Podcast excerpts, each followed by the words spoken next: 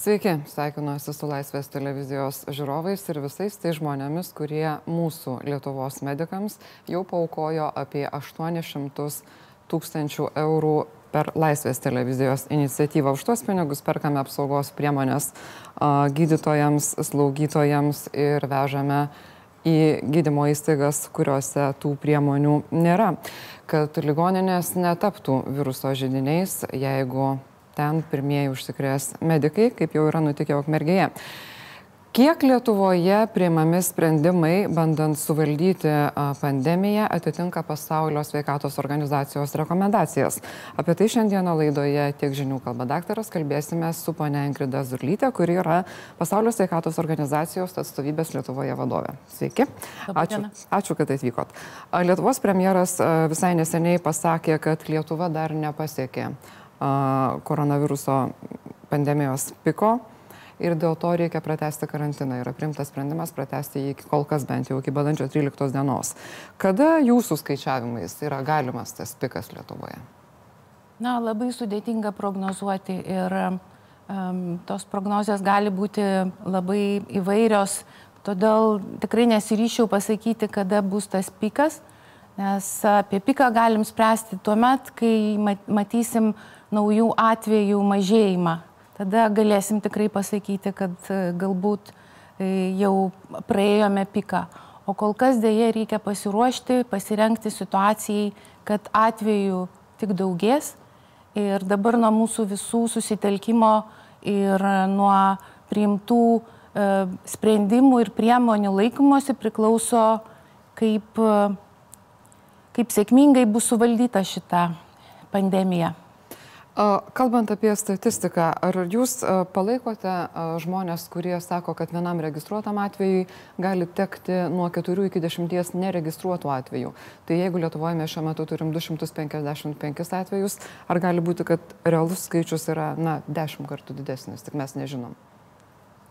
Na, galima būtų sutikti, kad uh, oficialiai registruojamų, uh, oficialiai registruojamų atvejų uh, yra mažiau negu jų yra iš tikrųjų. Tačiau kiek jų yra iš tikrųjų, vėlgi tai yra įvairių prielaidų ir spekulacijų, sakyčiau, galbūt modeliavimų dalykas gali būti. Tačiau Pasaulio sveikatos organizacija vadovaujasi šalių pateikiamais oficialiais duomenimis ir tai yra tie duomenys, kuriuos ir turime, ir jūs žinote, ir visi matome, kasdien atnaujinami dėl patvirtintų e, koronaviruso atvejų. Ir Ir tai labai yra svarbu laikytis vis tik tų oficialių, nes kalbėti apie tai, ko nežinome ir kaip, ir kaip čia galėtų būti tai būtų sudėtinga, turim remtis tvirtais įrodymais, duomenimis ir remiantis jais daryti sprendimus. Na, taip pat svarbu yra laikytis turbūt ir jau aiškiai patvirtintų rekomendacijų ir medikų patarimų, ką reikia daryti. Ir tarkim, jūsų organizacijos vadovo žodžiai yra, kad negali įveikti viruso, kol nežinai, kur jis yra. Tai vadinasi, kaip jis sako, turi testuoti, testuoti, testuoti. Kaip jūs vertinate Lietuvoje vykdytų ir vykdomų patikrinimų patikros dėl koronaviruso apimtis, ypač vasario pabaigoje, kai daugybė kritikų sakė, kad iš tikrųjų galbūt yra per mažai. Kokia yra jūsų nuomonė? Na, iš tiesų PSO vadovas e, paminėjo tą, to žodžius testuoti, testuoti, testuoti, kurie labai plačiai nuskambėjo, tai daugiau buvo skirta tiesiog atkreipti dėmesį į, te, į testavimo ir tyrimo atlikimo būtinybę, nes būtent tyrimų pagalba yra patvirtinami atvejai arba jie išaiškinami ir mes tikrai galime žinoti, kad tai neįtariamas atvejus, o jau tikrasis koronaviruso atvejis. E, todėl taip svarbu yra testuoti ir taip pat tuomet įsijungia grandinė kontaktų paieškos ir, ir taip pat kontaktų testa, stebėjimo ir tuomet atsiradus simptomų testavimui. Ir tokiu būdu yra bandoma suvaldyti e, šitos infekcijos plitimą. E, bet noriu pabrėžti, kad Pasaulio sveikatos organizacija savo rekomendacijose taip pat atsižvelgia į situaciją, kad reagentų visame pasaulyje trūksta ir ateityje jų trūkumas gali tik didėti, nes matome, kad dabar jau kituose regionuose labai didėja atvejų skaičius, Amerikos regionas dar visas Afrikos regionas, tik tai, kaip sakoma, ten pirmieji atvejai, bet ateitis parodys. Taigi PSO yra parengusi rekomendacijas scenarijams, kai, kai pavyzdžiui trūkstant reagentų vis tik tai, ką testuoti pirmiausiai, kas, kas yra svarbiausiai ir jau plintant e, virusui visuomenėje, kur praktiškai e, būtinai testuoti, sakykime, simptominius atvejus, bet žinant, sakykime, jau ratą žmonių patį artimiausią, galbūt jų visų jau testuoti ir nebereikia, todėl kad faktiškai jiem, jiem galima sakyti, kad jie galimai turi tą virusą.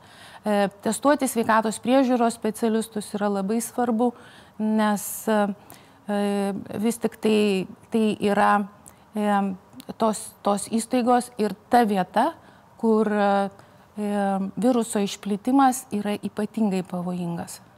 Kadangi taip yra, e, lygiai taip pat svarbu yra ir kad medikai turėtų apsaugos priemonių, ar ne? Ir e, Lietuvoje mūsų medikai jų tikrai neturi. Gaunam žinučių, kad jiems netgi neleidžiama e, naudotis labdara, tai yra žmonių saukotom, saukotomis apsaugos priemonėmis. Kaip Jūs vertinate tokį pasirengimą? Ir, na, turbūt nepasirengimą galiu drąsiai sakyti, ar ne, ir tokią poziciją, kad, na, tie, kurie dirba, turi, o visi kiti gali ir neturėti, nes žmogus su koronavirusu na, nenueis pas šeimos gydytoją, nes jis turi eiti į COVID padalinį. E, e, visi sveikatos priežiūros specialistai turi turėti apsaugos priemonės. Dalykas yra tas, e, įvertinant, kokia galima rizika, pavyzdžiui, šeimos gydytojui galbūt nereikia turėti respiratoriaus, jam užtenka e, medicininės kaukės, e, galbūt akinių, e, pirštinių, bet nereikia, būtina turėti respiratorius tiems medikams, gydytojams, sesutėms ir visiems, kurie susiduria jau su pacientais, kuriems reikalingos invazinės procedūros, intubacijos, mechaninės ventiliacijos ir taip toliau. Čia yra kritiškai svarbu. Todėl respiratoriai ne visiems, tik ten, kurių tikrai būtinai reikia. Medicinės kaukės praktiškai visiems. Kaip su tam kaukiam? Nes iš pradžių ir pasaulio sveikatos organizacijos irgi buvo pozicija, kad jos labiau kenkia negu padeda, nes taisaisi kaukia dažnai lėti veidą. Dabar mes jau sakom, kad vis dėlto tos kaukės yra labai reikalingos, nes vis tiek labiau saugo negu nesaugo. Tai kurią poziciją žmonėms vis dėlto reikia labiau tikėti? Pasaulio sveikatos rekomendacijos išlieka tos pačios pirmumas kaukių tiems, kurie turi simptomus ir jeigu jiems reikia išeiti į, į žmonės kažkaip, tai, tai būtinai tas kaukės dėvėti. E, būtinai tiems, kurie rūpinasi, pavyzdžiui, kaip namuose rūpinasi tais, kurie serga, taip pat turėti tas kaukės ir žinoma sveikatos priežiūros specialistai. Tai e, tokioj situacijoje sudėtingoje, kur trūksta tų priemonių ir ne tik Lietuvoje jų trūksta, visos šalis e, konkuruoja savotiškai dabar dėl tų priemonių, tai labai svarbu prioritetizuoti. Aišku, Lietuvoje paskelbtas ta, ta būtinybė, kad e, dabar kol kas rekomendacija visiems. E, aš suprantu, kad tai kilo iš to, kad dabar, kai jau galima sakyti, kad virusas plinta vis tik visuomenėje, nors vis dar matome daugiau ir tų atvežtinių atvejų, bet... Bet jis yra jau tikrai tas. Jis žmogus, e, panašu, kad jis, taip, kad jis jau yra plintantis bendruomenė, taip. Tai manau, kad čia tas m, yra daugiau, kad na, kai negalime žinoti ir galbūt ne visi laikosi tų rekomendacijų, kad jeigu turi bent mažiausią simptomą, dėkis, dėkis kaukę. Tai, ir iš vis neiki, jeigu turi bent taip, mažiausią. Būtent, ir iš vis net neiti. Ir izoliuotis būtinai tą karantinas 14 dienų e, būtinas, privalomas ir gana griežtas ir taip pat e, namuose savo šeimoje laikytis ir atstumų, ir, ir visų kitų hygienos būtiniausių reikalavimų. Tai, e, tai tos kaukės tam išėjimui galbūt į viešumą, jos šiek tiek gali apsaugoti, tačiau e, reikia, reikia turėti omeny, kad reikia žinoti, kaip dėvėti kaukę. E, jos neliesti, jinai veiksminga dvi valandas, gal truputį ilgiau. Ir kaip sako jūsų organizacija, vienkartinė kaukė yra vienkartinė kaukė ir ją panaudojus reikia išmesti.